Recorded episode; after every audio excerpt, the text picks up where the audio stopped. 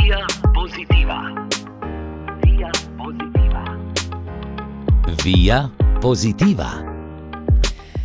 V veliko veselje mi je in pa zelo sem hvaležna, no, da je prišlo, morda po naključju ali pa ne, do uh, spontanega srečanja v pogovoru z gospod Manco Košir. Uh, dobrodošli pred tem radijskim mikrofonom in pa dobrodošli v tem našem večjem druženju. Kdo ve, kako številčna je zdaj množica, ki bo ujela vaš glas? No, kot poznam poslušalke in poslušalce, radio odnišče, je množica velika. Srečali smo se ob predstavitvi prav posebne akcije, ki ima veliko noto, rad imam življenje. In vas povprašam, ljubite življenje, čeprav seveda to zna včasih zadati tudi kar močne udarce, ampak vendarle poudarek je še vedno, ljubite življenje? Joj, pa kako, neskončno in brezgrajno. In ko so me proglasili za ambasadorke te akcije, rad imam življenje. In sem jaz to seveda tako objavila na Facebooku, zaradi akcije, predvsem, ne, da jih damo podporo, ker ambasadori moramo širiti to besedo. Se je oglasila oseba, ki me dobro pozna in napisala: Boljše za ambasadorja, ki je zaljubljen v življenje, pa ne bi mogli najti. Jaz imam res zelo rada življenje in čeprav se zavedam, da je smrt, ne, kmalu pred menoj, ampak ravno zato ga imam potem še rajši, ker še bolj vem za vsako uro, kako je dragocena, in še bolj vem, kaj je pomembno, in še bolj sem hvaležna, in še bolj ljubim globoko in visoko. Spominjam se, to so pa res že leta, ko sem vzela v roke tudi vašo knjigo in so me navdušili predvsem ti pogovori. Zdelo se je, da tako na klasičen način ja se to piše in se izmenjujejo misli. In danes, še bolj kot takrat, z neko nostalgijo, malce z obžalovanjem, tudi razmišljam, takrat je bil morda to neko tenek nekega časa, pa vendarle še živ, danes je pa to res stvar preteklosti, skoraj da popolnoma. Se še znamo tako pogovarjati, izmenjaje misli. Še. Po mojem, nas je vse več, ki čutimo to potrebo. Ne? In leto jaz sem napisala sedem knjig pisem. Ne? Lanska ima naslov Nagovori tišine.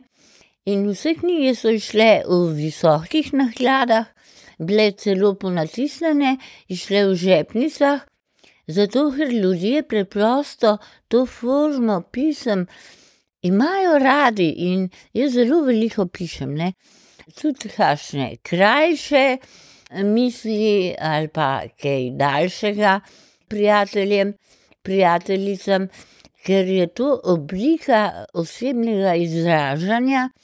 In en najbolj intimen stik pisni med dvema človekoma.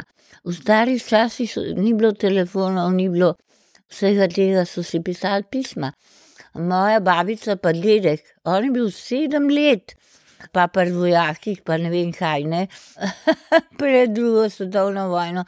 Ona je sedem let čakala, ampak sta si pisala redno pisma o njej, o njemu, in to je bila vsakodnevna komunikacija teh ljudi, ki so bili na različnih koncih sveta, in zdaj zaradi te eh, tehnologije to po eni plati izumira, po drugi se pa ponovno prebuja. In so že tudi klubi, kjer se pišejo pisma.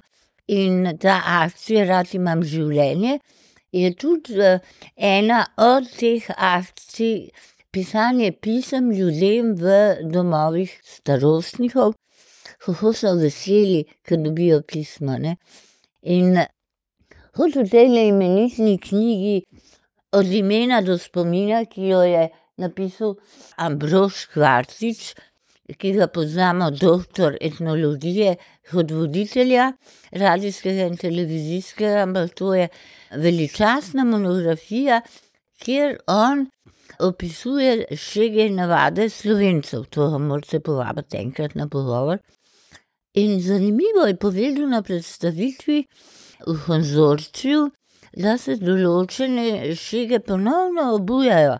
Recimo šranga, pa še mnogo njih. In sem videla, da se nekateri želijo tudi pohopati hod telo, ne hod pepel, zato da pogledajo bližnji še enkrat njihov obraz. Zel- Zelo neki arhetipskega se spet prebuja v človeku, ki je tako odtujen sam sebi in drugim zaradi tega vizualnega, digitalnega časa, v katerem živimo.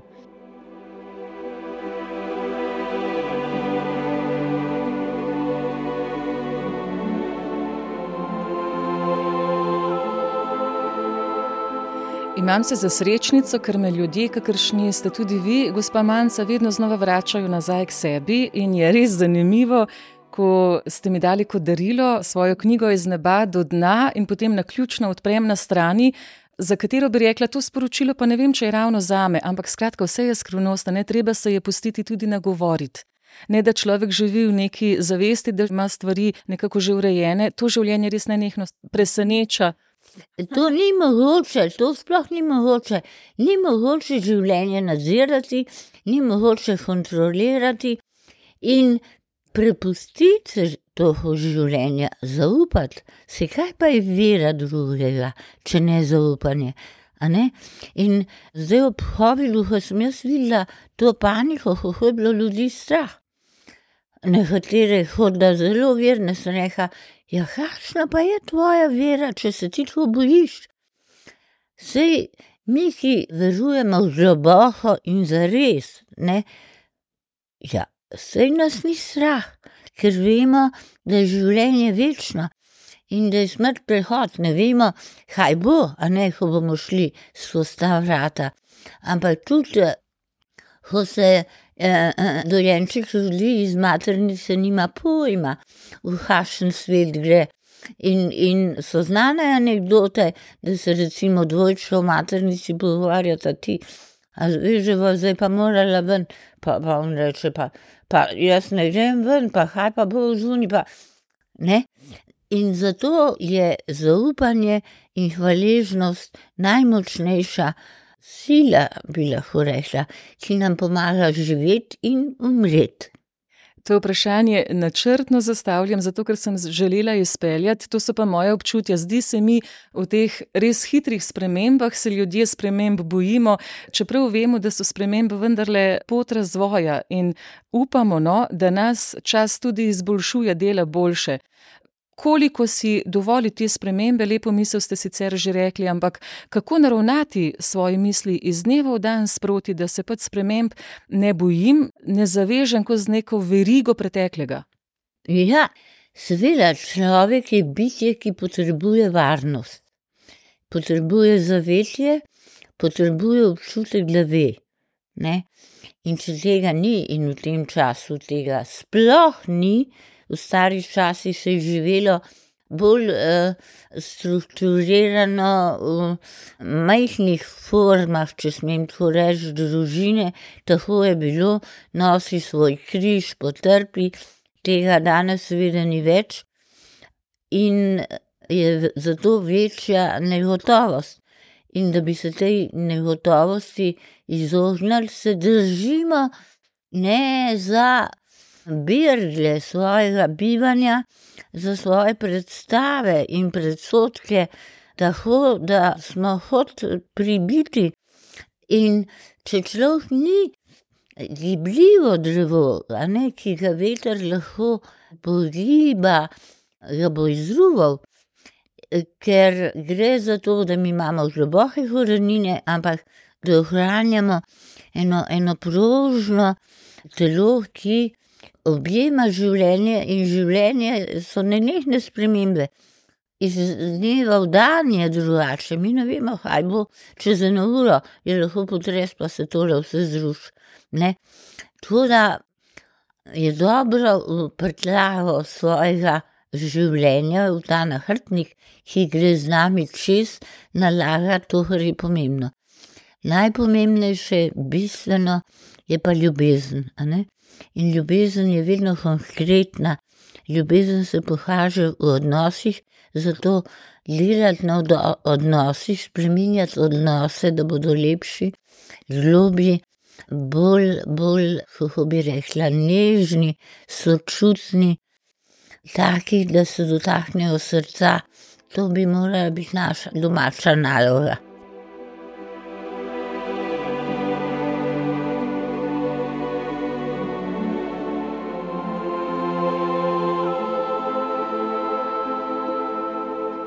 Kakšne prav poetične misli so bile to leži, gospa Manca. In mogoče, čeprav vem, da v glavnini to vdajo poslušajo ljudje, ki znajo globoko vase, ampak vendarle ta svet kaže neko zrcalno podobo, odkot ta želja spreminjanja navzven, da se lišpamo po nepotrebnem in skušamo preoblikovati, pregnesti podobo, ki jo je za nas ustvaril konec koncev stvarnik.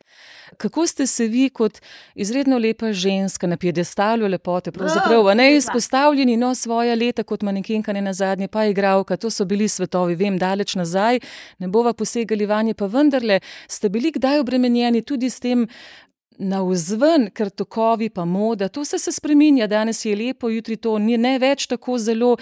Kako odgovoriti in spodbuditi ali pa potolažiti, no, predvsem mlada dekleta, pa vidimo, da tudi fantje imajo vse višje ideale v sebi, kako izgledajo. Ja, človek se z leti spreminja. Ko sem bila jaz otrok, sem nosila ponošena oblačila mojih dveh starejših bratov, tako da sem hodila peš iz Pržana v šolo v Šentvitu v Hojzarih, v, v fantovskih žametnih hlačah in v črtastem puloverju od enega od mojih bratov. In kot mala deklica, ko sem hodila v šolo, sem imela čas razmišljati, je trajala hoja, hahe pol ure, sem si rekla, ko bom pa jaz velika, bom pa manekenka in bom vedno lepo oblečena. In k temu me je življenje seveda tudi pripeljalo, ker je bila to moja velika želja in potreba, in to se ponovadi uresniči. ne.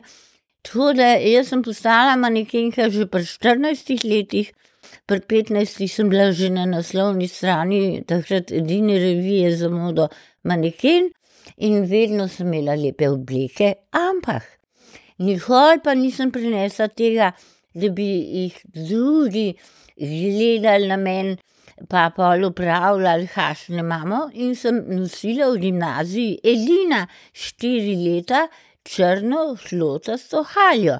Zato, da sem pod njo bila lahko oblečena v najbolj moderne obleke, ampak to ni noben videl, razen mene zjutraj, ko sem se oblekla. In to mi je bilo dovolj, ker jaz sem svojo potrebo tešila, nisem pa imela te potrebe, da bi me drugi gledali in ne vem kaj nasprotno.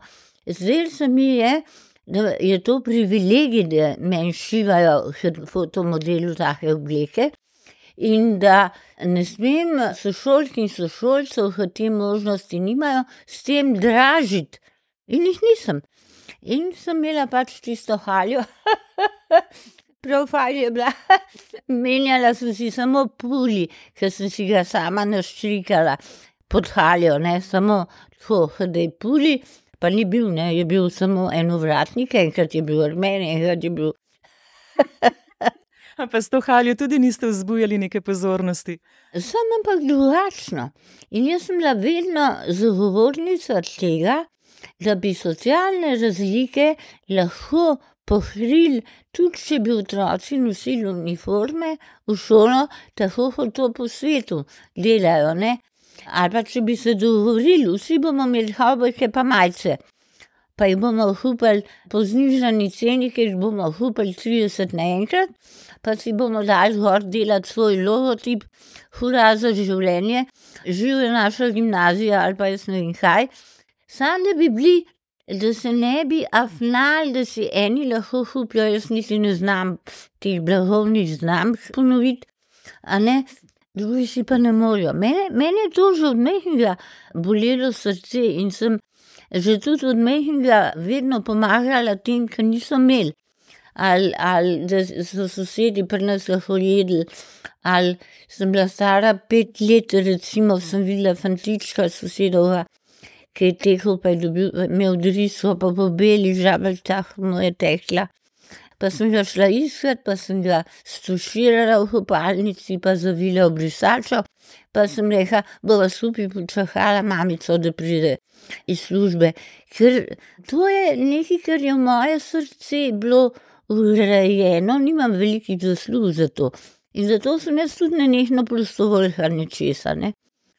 Hospica mnoga leta, spremljanje umirajočih ti tudi odpre oči, da na koncu smo pa vsi enaki. Maske odpadejo, lepe in grde oblike odpadejo, vse odpade, samo srce utripa z več ali manj ljubezni. Ne? In lažje umremo, če je te ljubezni veliko.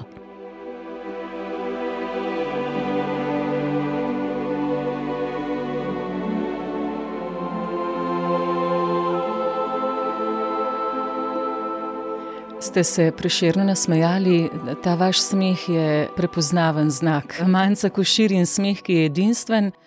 Čeprav me je kar pretreslo, mislim, da sem prebrala, prav veliko se pa smejali niste, ne šele pošteno, potem po 30. Kakšna je ta zgodba? Ja, jaz sem bila zelo suha, zelo zakompleksana. Sošolci so za mano kričali, da imam tako suhe noge, da bi Ja, grozna beseda, huza lahko mi stekla. In ja, ja, jaz sem mislila, da sem, ne vem, najgrše bitje na zemeljski krogli, ampak to meni ni škodilo, ker je v meni zbudila eno borbeno moč, da bom že pokazala. In ko sem bila tabornica, pa smo imeli pol taborniški dnevnik, In so mene vprašali, obvožno, kaj bom jaz, sem velika, sem rekla, manekenka. In mi je nekdo not napisal, manjca, meni so rekli pobezana gista, pobezana gista, ker sem bila suha gista, pravi, da bo manekenka. Pa pa tri velike, ha, ha, ha, sklicaj. No, še danes se to spomnim. In minilo je dobro leto ali dve, ko so meni zrasle dojke, ko sem se razvila v eno ne lepo, ampak bolj zanimivo dekle.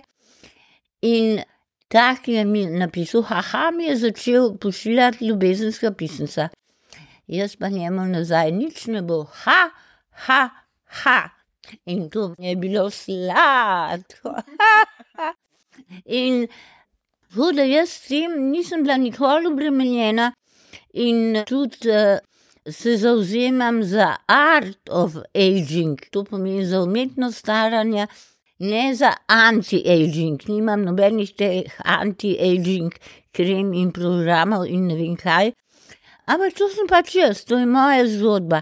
Če je kdo drug misli, da mu je lepše z vsem tem, ne izvoli. Ne?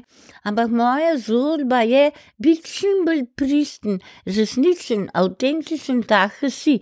Kaj ti pa imaš veliko energije, če se pa ti s tem ukvarjaš, kakšen bi moral biti, da bi bil pri drugih všečen, kaj bodo rekli o tem. Ma en dan svojega življenja nisem pomislila, kaj bodo drugi rekli. Ne, in moji ščeži nikoli nista slišali stavka, kaj bodo pa drugi rekli.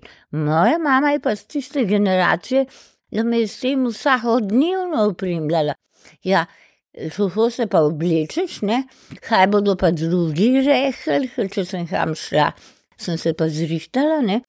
Ampak ta strast, jaz sem tudi kot gimnazika stopala v trg, da sem kupila revijo Gracija, zdaj sem naročena na slovensko lepo izdajo, ampak ta strast je v meni in ta strast in to veselje mene dela mladostna. In jaz veliko kupujem v second handu, ne rečem, da je bilo pač hudo, Marija, ker sem navajena, da še tam počakam, da je ceneje pa kupam čisto bluzo za 7 evrov, krasne hlače za 10, dragi čevlji, najdražji so bili čist novi, usnjeni 25 evrov.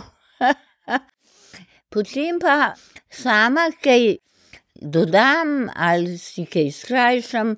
Podaljšam, imam dve šivili, ki mi tole delata, preširim kakšen trah, pa se to postavim pa ogledalo, pa rečem, to je bilo iz Pariza, ali pa tole je pa iz Milana. Ja, iz druge roke. In kupim si tudi rada kaj na tržnici v Hosezah. Ko grem na trg, pa zavijem še k mojim prijateljicam v Sohico, pa rečem, punce, imamo kaj novega. Ravno zdaj sem odkrila en čudovit pulover z zebro, ker berem modne revije in gledam, vem, da to so živalski vzorci moderni. In moja šivilja mi bo to morala fajn zožati, ker sem jaz samo eno tako zebro, meni veliko, preveliko, no, ampak bo zožena, bo pa v redu. In to, a veste, to so mehki denarji, veselje pa veliko.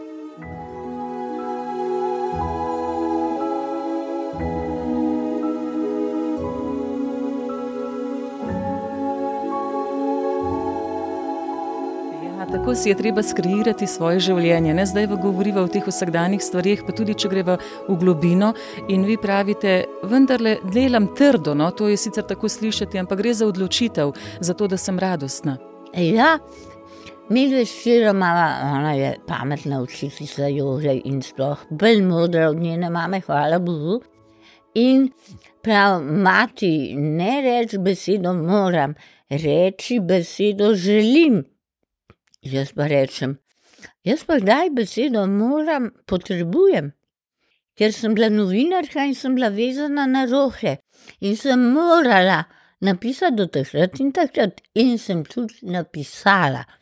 In zdaj sem tudi vesela, če mi dajo rok, vem, da moram spremno besedo napisati do takrat, pa takrat moram in jo napišem. Meni beseda moram spodbuja živahno delovanje v meni in pretok krvi je močnejši, moram to narediti in bom naredila. to je ne, da bi bilo veliko in preveč tega, ampak kar je treba, je treba in opravim. Neverjeten izvir zaklad besed. Me zanima, kaj se v vas poraja, kako nastaja ta plas besed, tudi ko vas beremo. Je čutiti ta res. No, ampak izjemen, izjemen izvir. Ja, vendarle, marsikdo veliko bere, ampak ne steče. Jaz veliko berem, potem pa obožujem Alenko Rebulo, ki ima najlepšo slovenščino, sploh obstoječo. In ona, ki bi prelila vame en potoh besedo, se tako počutim, ne? On je res moj velik jezikovni navdih in, in miselni in duhovni, ne? prav zaradi te lepote, lepote izražanja in resničnosti tega, kar pove. In resnica je že od nekdaj bila lepota. In ta najglobja resnica nam prinese tudi lepe, krške, mile ali pa odločne in močne besede, s katerimi se izražamo. Ne? Resnica nas nagovarja k uporabi barvitega jezika in slovenščina je en najlepših jezikov na svetu. In jaz to sem huda, ko berem. Podal je poročilo, podal je ne vem kaj, pravim, podamo si rohe, podamo drva, Ne, ne, lahko rečemo, lahko povemo, lahko počrtamo, lahko omenimo, lahko imamo deset izrazov, ampak ljudje usvojijo en, enega, ki je v zraku in pol tega do nezavesti ponavljajo, zdaj vsi vse nastavljajo. Ta problem je treba nasloviti, nasloviti je treba, halo, a nimamo druge besede? Ne? Mene zanima raznolikost. Mene zanimajo vse barve na travniku, ne samo barva marjetice. In zato imam tudi bogat besedni zahlad, ker berem najlepše knjige, to je predvsem poezija ali pa hašne študije. Zdaj sem recimo čisto očarana, ker sem se pogovarjala z avtorjem knjige Islam in ljubezen, ki je bil tudi nominiran za Rožančevo nagrado, ko je ta človek, ki živi v tujini, sami Al-Dagistani, res je pa rojen v Sloveniji, mama Slovenka, v hranju, v blohu živel oče iz Irana. Ampak ko je ta človek začel govoriti, jaz še nisem slišala moškega, ki bi tako lepo govoril slovensko. Tako da zdaj moji prijatelji berajo to knjigo tudi zaradi lepega jezika.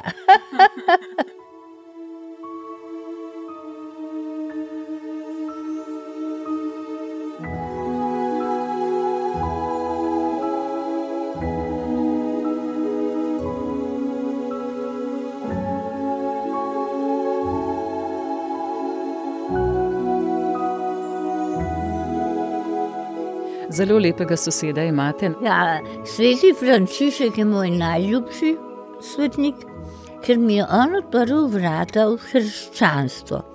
Jaz kot mladenka sem seveda hrepenela po Indiji in sem tudi maturirala z nalogo razvoj religije v Indiji. Tudi šla sem v Indijo, ampak sem ležala na travniku in premišljala sem leha, to ni moj svet ta hasni sistem, te razlike med revnimi in bogatimi. Jaz, jaz sem vse razdala, kar sem imela. In šla na tržnico, da bom enaka tistim ljudem in jedla to hrano, in sem dobila tako drisko, da bi skoraj umrla. A ne to so ti moji idealistični popatki, obrazcu in edinstvu, ki sem jih od nekdaj govorila. Potem sem pa v sodobnosti prebrala eno čudovito pesem o rohah in videla, da je napisal Rafov lep. In jaz sem rekla, kje bi pa iz tega človeka našla, da bi mi povedala, kako me je presunila ta pesem. Moj oče je rekel, veš kaj. Tole pa duhovnik piše in pri mohorjevi družbi pa vejo, kje so duhovniki, ker na mohorjevo piše. Pišem na mohorjevo, napišem seveda v pismo moj telefon tata. Naslednji dan me posliša Rafov lep. On je bil tajnik takrat na Mohorjevi družbi. To pomeni, ni na ključi. Lejte, Nataša, mi smo povezani z nekimi zlatimi nitkami, mi se samo prepoznavamo v tem svetu. Smo pa že na nek način prepleteni, ki ga mi ne moremo razumeti, lahko pa doživimo če zaupamo svoji intuiciji. In pa je rekel, Rafo, vas pridem jutro obiskat. In me je prišel jutro obiskat, in potem je imel nekega dneva predavanje o Frančiškovi sončni pesmi, ki jo on prevedel. In jaz sem spet čisto čarna. In sem rekel, pa da ti meni kaj več povej v tem svetu, nikoli me ni z ničimer prepričoval. In mi je prinesel to knjigo, sončna pesem. Pol mi je prinesel pisma, klare. Oh, sem rekel, pa to, pa to, pa je ljubezen čez, čez zemeljska. In počasi, pol sem se pa odločila, da sem krstila v ta lep krščanski svet. Ker to sem pa začutila, da je bolj moje, da te simbole bolj razumem da mi je Jezusova zgodba nekaj bolj domača, kot mi je Krišna, čeprav Krišno zelo cenim in spoštujem Bhagavad Gita, kot sveto besedilo. In tako sem se krstila in krstil me je potem moj ljubi, lahko rečem, podpornik pa tudi prijatelj nadšov, Alojzi Šuster, ki je ogromno naredil za našo osamosvojitev Slovenije, in mi dva z Rožancem sva ga v tem imenu večkrat obiskovala. In ko je on držal roko nad mojo glavo, je šla skozi mene taka elektrika, da če je ne bi tako odmahnil, bi jaz padla v nezavest. In od tistega dneva imam jaz res novo življenje. In moj botor je seveda bil Rafo Vodeb. Takšnih sprememb bi si ljudje želeli, ne? ker včasih potrebujemo, da nas nekdo podpre, da nam nekdo pokaže, ker težko se je odločiti z vsemi posledicami vred. Ja, to ni samo stvar odločitve, Nataša, to je milost. Bolj sem stara, bolj se zavedam, da milost deluje. Ne? In kar mi lahko naredimo, je to, da tej milosti odpremo srce. A ne z zaprtim srcem ne more vstopiti milost, nima vrat. Milost ne pride skozi glavo. Milost tudi ne pride skozi odločitev. Milost pride samo skozi srce in prek ljubezni. To je njena edina pot.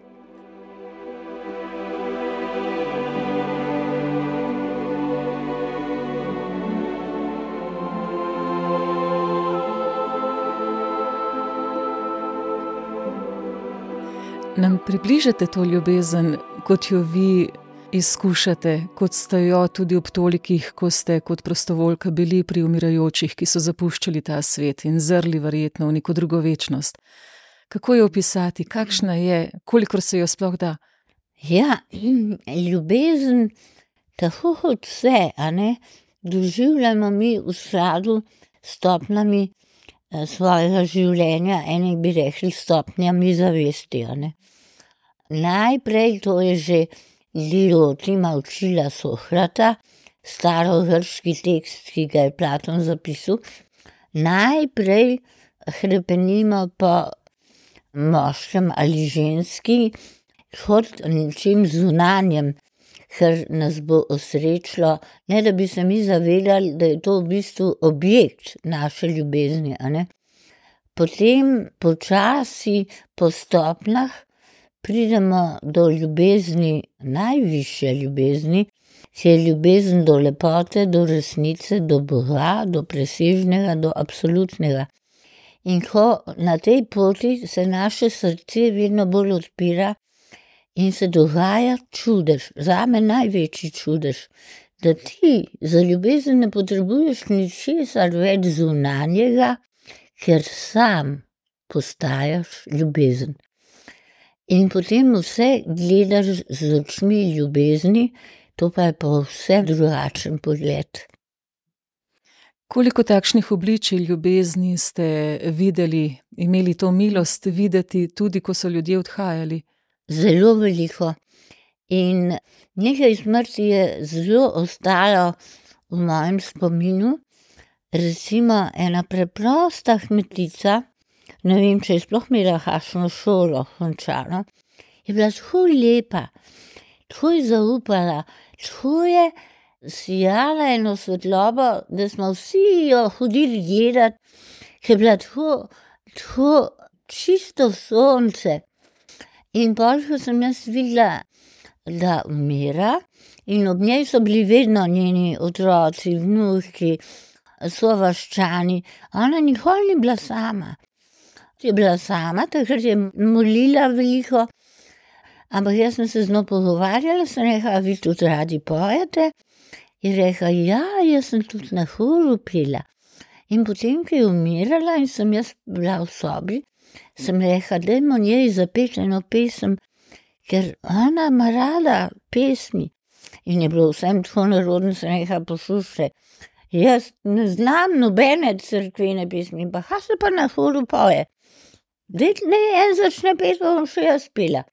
In temu se reče v Svetem pismu dar jezikov. Smo začeli peti in jaz sem že znala. Potem sem šla pa čisto po prstih ven in so oni naprej peli in ona je tako lepo umrla. Ja, ampak njeno srce je bila ena sama ljubezen. Sem pa videla težke smrti. Nekega akademika, znanstvenika, profesorja, doktorja iz, druge države, ki so ga sem pripeljali, ne, ki je bil jezen na cel svet, na bolezen, na vse nas, na noben ni bil dosti pameten, noben ni bil, jaz sem mu potem poslala nekaj kolegov iz naše univerze, da so ga obiskali, da se je imel s kom pogovarjati o tem, ker je bil njegov svet. Ampak njegov svet je bila ta suhoparna znanost in tule se je vse končalo. In potem mu je bilo vseeno dobro pri nas in ni mogel iti več v hospiciju. In smo rekli, da mora iti nazaj domov. Ampak gospa žena je medtem že hišo prodala in vse.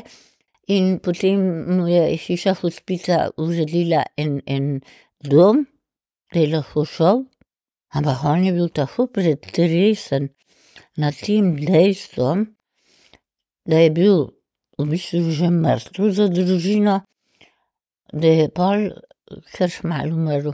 pa ne, če bi prišel v svoj dom med svoje knjige, med, ne, v ta svoj svet, ki ga je poznal, bi po mojem še nekaj časa živel. Ampak kaj to pomeni? Kaj ti pomeni seznanje si doktorat in častni naziv in to, če ni ljubezni? Rečemo in to vsi potrjujemo, da je rojstvo čudež, ampak zdaj, ko vas poslušam, je čudež tudi odhod. Oh, pa še hašen, ker smrt, pravimo, ne, to je neko pravilo, kam ja, zagotovo tudi izjeme. Kako živiš, tako boš umrl.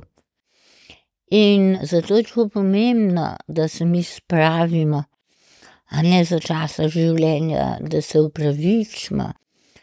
Ena mojih najbolj osrečujočih izkušenj je bila, ko je moja znanka, ki je imela pri Dignitasu v Švici že naročeno evtanazijo, pa je ljubila metastaze po hosteh in ni mogla sama priti več, prišla v hišo hospica.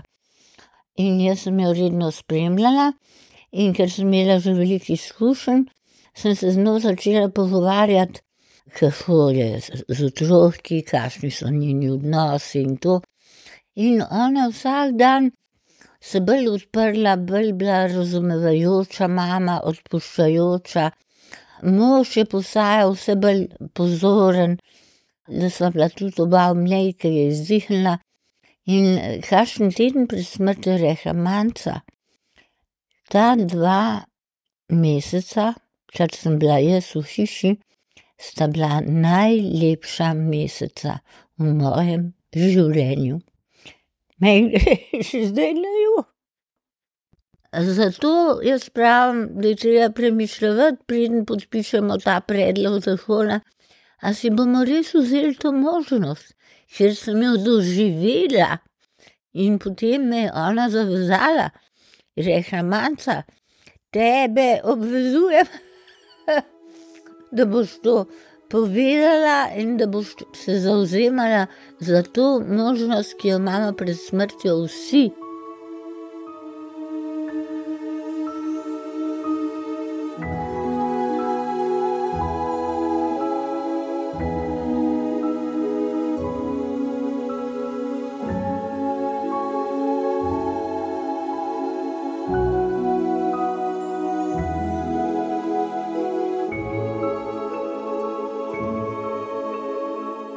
Da bi se slišali, da bi si dali prostor za vas, ma skoraj v en glas govorijo, da čeprav ste imeli avtoriteto, recimo v profesorskih vrstah, pa sicer, ampak pravijo, da tega pa nikdar niso čutili, neke vzvišenosti, da je nekdo nad kom.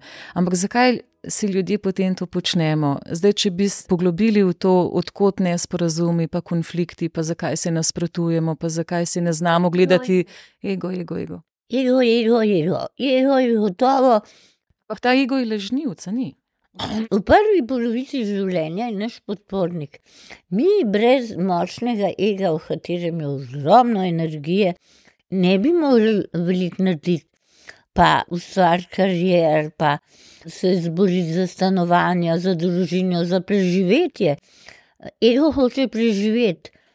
Ego ima to potrebo, duša ne, duša ve, da je večna. Tako da ne, ego je naš pom pomočnik, ampak če postane pa naš gospodar. In mi pozabljamo, da je v duši napisana naša resnica in da je srce najmočnejši človekov organ, ne pa možgani, ne, tudi v dobesednem in metaforičnem smislu, potem pa ego zavlada, ego ima pa neko grozno lastnost. Jaz, jaz, jaz. Moje, moje, moje, meni, meni, meni. A ne, duša govori mi, povezanost, ljubezen, to je jezik duše. Ego je pa imeti, imeti, ne biti, ljubezen je biti, ljubiti. Ljubiti pride iz biti, ne iz imeti, nimamo ljubiti. In kaj imeti, in tudi te naslanjanje na zgodovino, poglejmo Izrael, Palestino in vse to, to so vse boji v imenu zgodovine. Ampak ego se prilepi na to preteklost, to je moje, to sem jaz, to je bilo. Mm. Duša se pa prepusti, duša pa spusti, duša pa objema, duša pa ljubi.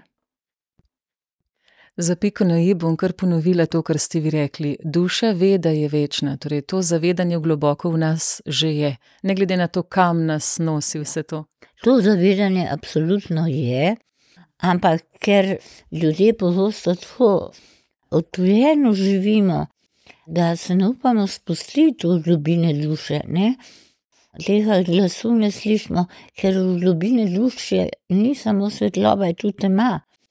In ko ti odpiraš srce, ga odpiraš za ljubezen, ampak tudi za bolečino. Bolj ljubimo, bolj čutimo tudi vse, kar se dogaja in to. In ta vojna, ki vojne se jih je veliko, ti divjajo zunaj.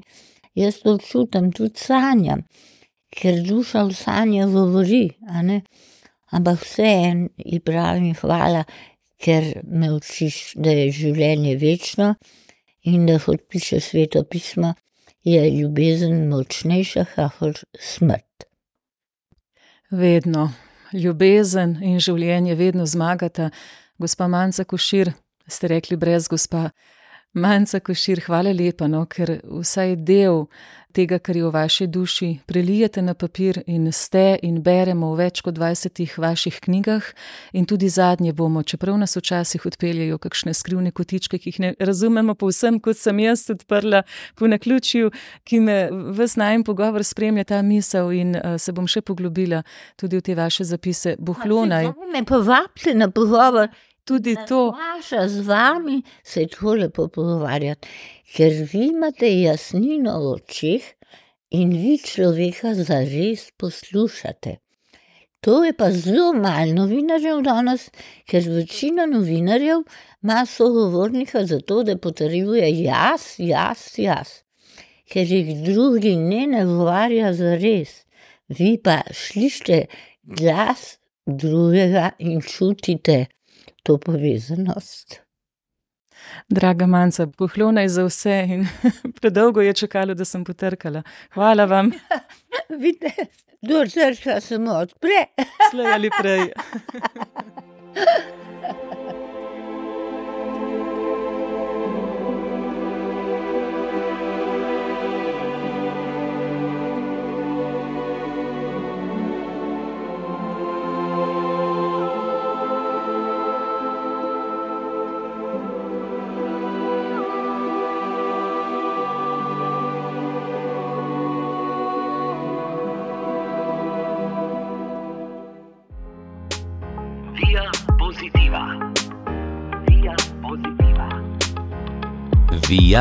positiva.